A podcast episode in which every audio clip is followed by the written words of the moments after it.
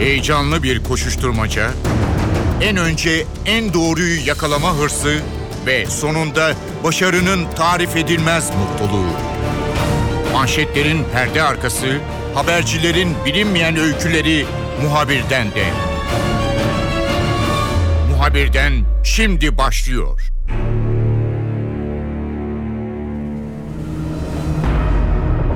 Genel seçimlere çok az bir süre kaldı ve muhabirler de artık sahalarda hem seçim öncesinde insanların isteklerini ekrana yansıtıyorlar hem de e, illeri gezerek seçmenin nabzını tutuyorlar. İki NTV muhabiri Deniz Tüysüz Hatay'daydı, Koran Varol da Mardin'deydi ve bu iki önemli ile ilişkin izlenimlerini NTV ekranlarına aktardılar. Deniz ve Koran bizimle olacak, notlarını paylaşacak.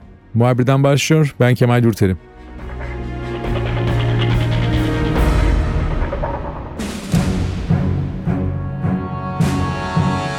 Deniz seçim paketleri için sen Hatay'a gittin. Hı hı, evet. Ee, insanlarla konuştuğun zaman birkaç sorum olacak tabii.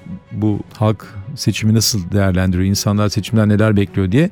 Önce şunu sormak istiyorum. Öne çıkan beklenti nedir? Ee, hem Hatay'da ve hem e, diğer taraflarda e, görüşün insanlarda. Şimdi öncelikli olarak Hatay bazında e, ilk etapta bahsedecek olursak Hatay'da e, Suriye'de yaşananlar e, Hatay'ı çok etkilemiş. Yani Hatay halkının görüşleri bu yönde. E, hani bu, bunu biz söylemiyoruz, onlar söylüyor. İş adamlarından gazetecilerine kadar, sokakta yürüyen insana, esnafına kadar e, yanı başlarındaki bu savaşın artık bitmesini istiyorlar. Çünkü e, ekonomisi etkilenmiş, turizmi etkilenmiş. İşte oradan Hatay'a gelen göç e, biraz Hatay'ın yapısını değiştirmeye başlamış. Bunların hepsini onların ağzından dinledik biz. İlk etapta onun e, artık hani barış gelsin, e, bu sorun çözülsün istiyorlar. Çok fazla Suriyeli göçmenin orada yaşadığını düşünüyorlar ama şunu da diyorlar aynı zamanda çünkü Hatay onların deyimine göre e, barış ve hoşgörü şehri. Üç semavi dinin ortak paydası. Üç semavi dindeki mensup insanların orada yaşadığını biliyoruz. E, bu sebeple barış ve hoşgörü şehri olarak da kendilerini tanımlıyorlar. Evet e, biz barışın kardeşliğin şehriyiz. Kapılarımız açık. Tabii ki o insanlara o halde e, ülkelerine e, geri göndermek olmaz. Ama savaşın bir an önce bitmesi ve onların e, huzurlu bir ülkeye dönmeleri. Hataylıların ilk beklentisi bu. Ekonomik anlamda beklentileri çok fazla ki bu da yine Suriye'deki yaşanan iç savaşla alakalı. Örneğin sınır kapılarının kapanmasıyla birlikte ihracatın oradan yapılamaması birinci olarak özellikle iş adamlarının vurguladığı bir husus. Tarım Hatay'ın olmazsa olmazlarından biri ama o konuda da yavaş yavaş gerileme yaşanmış bu konuyla ilgili kişilerden aldığımız bilgilere göre turizm orası çok önemli bir turizm merkezi. Hristiyanların ilk kilisesi Saint Pierre Kilisesi orada örneğin. İşte onunla beraber Anadolu'da yapılan ilk Türk e, cami Habibi Neccar Camii orada. İşte yemekleri çok çeşitli. Dünya çapında ünlü yemekleri var. Turizm eskiden onların dediği bize işletme sahiplerinin ve turizm dernek başkanıyla da konuşmuştuk. Onların dediği hani turizmin daha çok canlandırılması gerekiyor. Bu Suriye'de yaşananlar Hatay'ı etkiledi. İşte e, olumsuz bir şey olmasa da olumsuz bir şey olmuş gibi yansıtılıyor. Dolayısıyla e, turist sayısı çok azaldı deniyor. Özellikle Suriye'den çok turist geliyormuş onların azaldığını dile getirdiler. Yani e, turizmin canlandırılması da onlar için çok önemli. Çünkü e, orada e, turizme olanak sağlayan çok da biraz önce bahsettiğim noktalar var. Yani onların e, hakikaten de değerlendirilmesi gerekiyor. E, sadece Hatay'da değil genel olarak baktığımızda da insanların önceliği öncelikli seçim talebi ekonomi. Yani ekonominin daha iyi gitmesi, iş imkanlarının daha fazla olması. Örneğin emekliyle konuşuyoruz işte emekli maaşları artsın diyor. Sokaktan geçen bir çocukla konuşuyoruz işte atanamayan öğretmenim atamalar yapılsın diyor. Gençlerle konuşuyoruz gittiğimiz yerlerde işte sosyal faaliyet alanları daha da olsun diyor. Bu tarz e, beklentiler ama ekonomi baktığımızda en öne çıkıyor siyasi partilerin de bu e, seçim döneminde biraz ekonomiyi öne çıkardığını görüyoruz. Bir parti örneğin asgari ücret, emeklere maaş gibi. Yine iktidar partisi daha çok e, yatırımlar ve yine ona bağlı olarak da e, evet. daha çok İslam'dan söz ediyor. Tabii dışında çok farklı işte 5 bin lira maaş herkese 5 bin lira maaş vereceğini iddia eden partiler de var. Tabii bunlar insanlar nasıl ne kadar ciddi alınıyor bilmiyorum ama sonuç itibariyle seçim öncesinde ekonomik söylem, ekonomiyle ilgili söylemler öne çıkıyor. E, bu tür e, vaatler insanlarda e, nasıl bir yankı yaratıyor? Yani seçmen ne düşünüyor en azından senin baktığın ölçekte? Şöyle seçmen şunu düşünüyor, vaatler tutulsun. Biz meclise göndereceğimiz milletvekillerinden bizi unutmalarını istemiyoruz. Seçimler öncesinde geliyorlar, tokalaşıyorlar, el sıkışıyorlar, meydanlardayız, meydanlardalar. Ama seçim bittikten sonra ortada yoklar. Genelde bunu söylüyorlar. Ha memnun olanlar da var. Yani işte biz şu partiye oy verdik, memnun kaldık diyenler de var. İşte biz şu partiye oy verdik biz bir daha bu partiye asla oy vermeyeceğiz diyenler de var. Hani değişik değişik partilere kayanlar da var. Ee, ama genelde baktığımızda sol seçmen yine solu tercih ediyor. İşte sağ seçmen yine sağ tercih ediyor.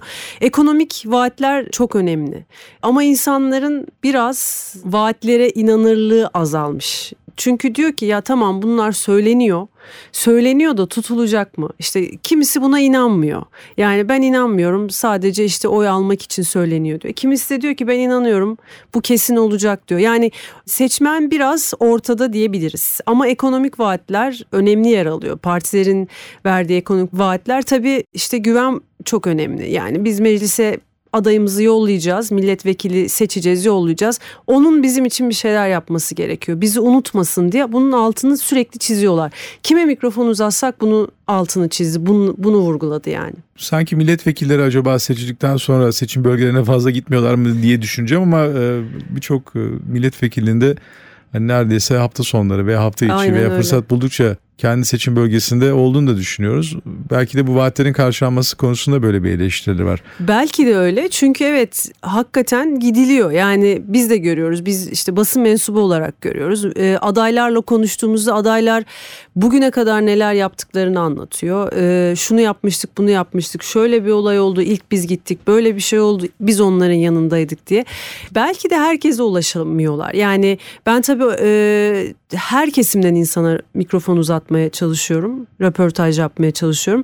Belki de her kesime ulaşamıyorlar sorun orada. Mesela birisi diyor ki ben hiç görmedim diyor e, adayın işte milletvekilinin seçildikten sonra buraya geldin diyor. Birisi de diyor ki e, olur mu? diyor. Sürekli bizim yanımızda sürekli bizim içimizdeydi. İşte şu olayda yanımızdaydı bu olayda şöyleydi diye e, hani ufak tefek de tartışmalar oluyor böyle. Tatlı bir tartışmada yaşanıyor. Bu iletişim araçlarındaki gelişmeyle beraber hani eskiden çok daha geçmişe gidersek e, radyo, televizyon, e, şimdi sosyal medya daha kolay kullanımı ve daha çok kişiye ulaşabilecek gibi duruyor. Yine televizyonun eski etkisini koruyor. Ama bunun dışında adaylar birebir e, Evet. sokakları gezerek, kahveleri gezerek iletişim kurmaya Evet. çalışıyorlar. Dikkatini çeken farklı yöntemler oldu mu bu birebir iletişimin dışında veya bu birebir iletişim sırasında insanlarla hakikaten onların beklentilerini dinleyebiliyorlar mı veya uzun uzun konuşabiliyorlar mı? E, şöyle ben küçük bir şey anlatayım. E, milletvekili adaylarıyla röportaj yapıyoruz. E, bizim de süremiz çok geniş bir süremiz yok. Hani randevumuzu almışız. İşte rica ediyoruz. Sağ olsunlar geliyorlar çarşıda. Röportajımızı yapıyoruz. E, ondan sonra detaylar çekiyoruz. E, işte halkla e, selamlaşma detayları, tokalaşma detayları. Şimdi bir milletvekili adayı e, bir kahvede birinin elini sıktıysa o kahvenin hepsini sıkmak zorundaymış. Bunu öğrendik. Diyorum ki e, efendim geç kalacağız biraz da şu tarafa gidelim diyorum. E, sayın vekil adayı diyor ki olmaz şimdi diyor ben buradan başladım burayı komple bitirmek zorundayım. Çünkü alınır insanlar gücenir insanlar diyor. İşte ya da e, bir dükkana başladıysak öbür dükkanın hepsini dolaşmak zorundayız diyorlar ki biz mesela röportajımızı yapıyoruz e, detaylarımızı çekiyoruz görüntülerimizi tamam efendim yeter çok teşekkür ederiz diyoruz tamam siz bitirdiniz ama biz şimdi buraya girdik bu çarşıya girdik artık bu çarşının tamamına uğramak zorundayız çünkü çok ayıp olur diyorlar. Öyle durumları var. Sosyal medya çok etkili. Bir kere e, tabii eskiden yoktu yani en azından e, bundan önceki seçimlerde bu kadar etkili değildi. Biz röportajımızı yapıyoruz. Bizim röportajımız anında e, o işte vekil adayının Twitter sayfasında, Facebook sayfasında işte vekil adayımız NTV'ye konuştu. Şu gün şu saatte yayınlanacak diye böyle bir anda herkese yayılıyor. İşte mesela beni bir arkadaşım arıyor Hatay'daymışsın işte Facebook'tan gördük falan diyor. Ben de şaşırıyorum nereden gördüm burada hani adamlarım mı var diye. Böyle e, etkili bir yol. Sosyal medya bu seçimlerde çok etkili ama tabii birebir e, el sıkışmak, tokalaşmak, hal hatır sormak çok daha etkili. Ya edindiğim izlenimler o yönde.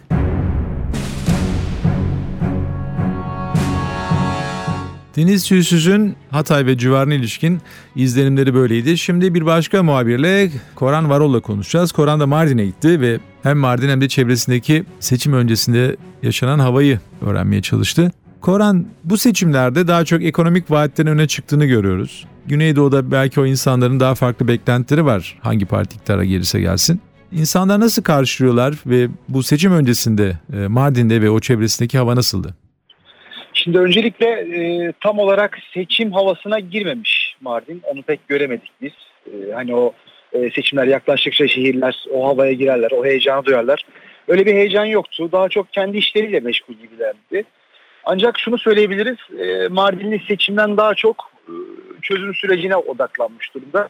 Mikrofonu uzattığımız zaman e, il seçim nabzı programı için sokaktaki vatandaşa e, yani seçimden çok çözüm sürecini bize söylediler. Yani bu çözüm süreci bir şekilde nihayete ererse çünkü Mardin e, Güneydoğu illeri arasında kendini diğer illerden biraz daha farklı konumlandıran bir şehir. Çünkü işte, turizmi e, lokomotif e, bir olay. E, sürekli olarak bölge turizm alıyor.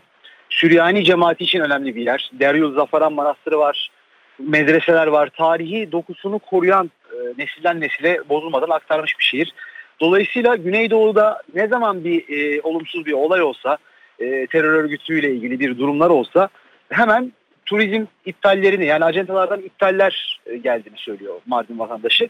Ve hani bizim bu olaylarla alakamız yok. Hani biz bunlarla alınmak istemiyoruz. Biz kendi yaptığımız işle alınmak istiyoruz diyorlar. Dolayısıyla hani e, seçimlerden daha çok bu çözüm sürecine odaklanmış diyebiliriz Mardin halkı. Koran seçim vaatlerinde daha çok ekonomik olanların öne çıktığını görüyoruz. Biraz önce Deniz'de de aynı şeyi konuştuk. İktidar Partisi e, yatırımların devamından yana ve başlattığı yatırımları devam ettireceğinin vurgusundan yana yeni iş olanakları e, yaratacağını söylüyor. Herhalde e, siyasi partiler de bu havayı kokladılar ki e, genelde işte emekliliklere maaş, e, bir takım sosyal yardım paraları yine Deniz'e de konuşurken aktardığımız gibi çok daha akla hale gelmeyecek bir takım fazla rakamların da e, seslendirildiği bir seçim kampanyası da yürütülüyor. Mardinler bunu nasıl değerlendiriyorlar? Tabii ki öncelikli olarak onları e, bu silahların susması ve e, huzur ilgilendiriyor ama ikinci aşamada ekonominin olması lazım veya öyle mi orada hava nasıl?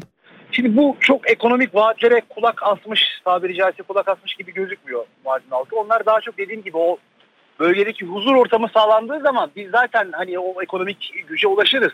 Hani biz zaten işimizi yaparsak e, bu tarz durumlarla anılmazsak kötü olumsuzluklarla bölgedeki işte çeşitli terör olaylarıyla anılmazsak biz zaten işimizi yaparak bu ekonomiyi düzeltiriz derdindeler. Yani hani daha çok e, bana biraz böyle ekonomik vaatlere karınları tok gibi geldi ama onların asıl derdi huzur ve güven, güven ortamı. Mesela bir eski Mardin çarşısı var. Yüzyıllardır böyle nesilden nesile aktarılarak e, zanaat e, diyebiliriz. Yani el becerisine dayalı bir orada çarşı var. İşte bakırcılık yapıyorlar, kalaycılık yapıyorlar. İşte çeşitli süsleme sanatları var. Eski ihtişamından uzağız diyorlar. Yani eskiden o çarşıda daha fazla kişi çalışırmış. E, işte yeni nesiller de artık o işlere meraklı değil. E, bu iş yapanların da en büyük şikayeti bundandı. E, yani çarşı eski ihtişamında değil. Yani eğer biz huzur ortamı olursa, bölgede güven ortamı olursa e, o eski Mardin çarşısı, işte eski Mardin yaşamı, e, işte bir telkari ustalığı vardır bilirsiniz. Gümüş işleme sanatı Mardin'le özdeşleşmiş. İşte bunlar sürekli olarak e, eski ihtişamından uzak olmaktan yakınıyorlar.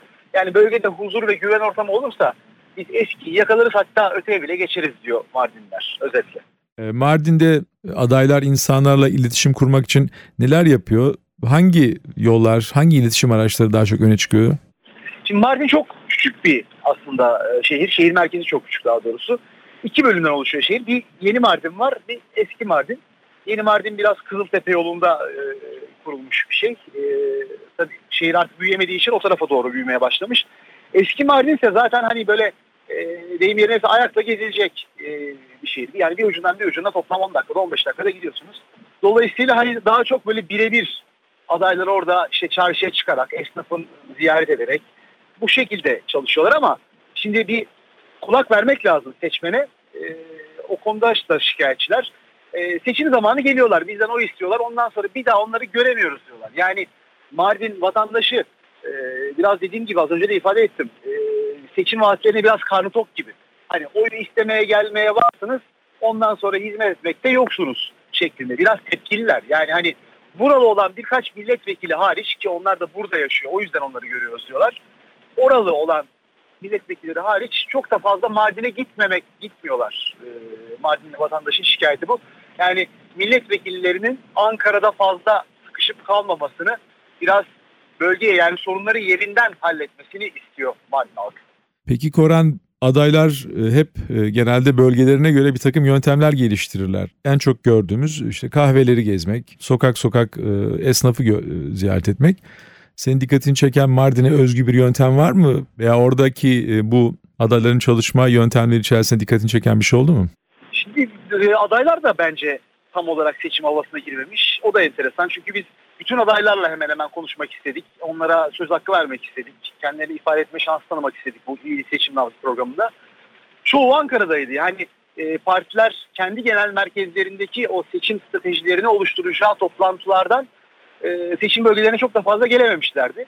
O yüzden hani çok da fazla e, aday göremedik biz açıkçası. Hatta adayların bir kısmını e, Ankara büromuzdaki arkadaşlar yardımcı oldu. Onlar yaptı röportajları. Yani Mardin'de yakaladığımız aday çok fazlaydı. Dediğim gibi artık belki seçimlere daha var. Belki ondan. Tam havaya girmemişti. Ama dediğim gibi Mardin'e özgü Mardin gibi küçük şehir merkezinin küçük olduğu şehirlere özgü bir durum bu. Geçtiğimiz şehirlerden de edindiğimiz tecrübeye göre. E, genelde hani birebir sokakta vatandaşa birebir temasla e, çünkü Anadolu'da Taşra'da deyim yerindeyse bu işler biraz daha böyle e, yürüyor. Hani sosyal medyadan kitle iletişim araçlarını kullanmaktan daha çok vatandaşa birebir temas sağlıyorlar. E, ben bunu yerel seçimlerde de görmüştüm e, Mersin örneğinde. E, o yüzden dediğim gibi vatandaşa sürekli olarak esnaf ziyareti, e, çeşitli organizasyonlar bu şekilde ulaşmaya çalışıyorlar. Ama dediğim gibi bir kez daha hatırlatayım. E, vatandaşın karnı bunlara tok. Biraz seçimlerden sonra unutulmaktan çok şikayetçi Mardin halkı. Koran teşekkürler kolay gelsin.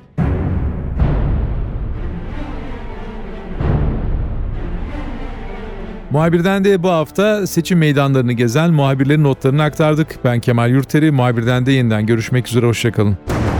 Haber için değil de haberin hikayesi için şimdi onlara kulak verme zamanı. Muhabirden NTV Radyo'da.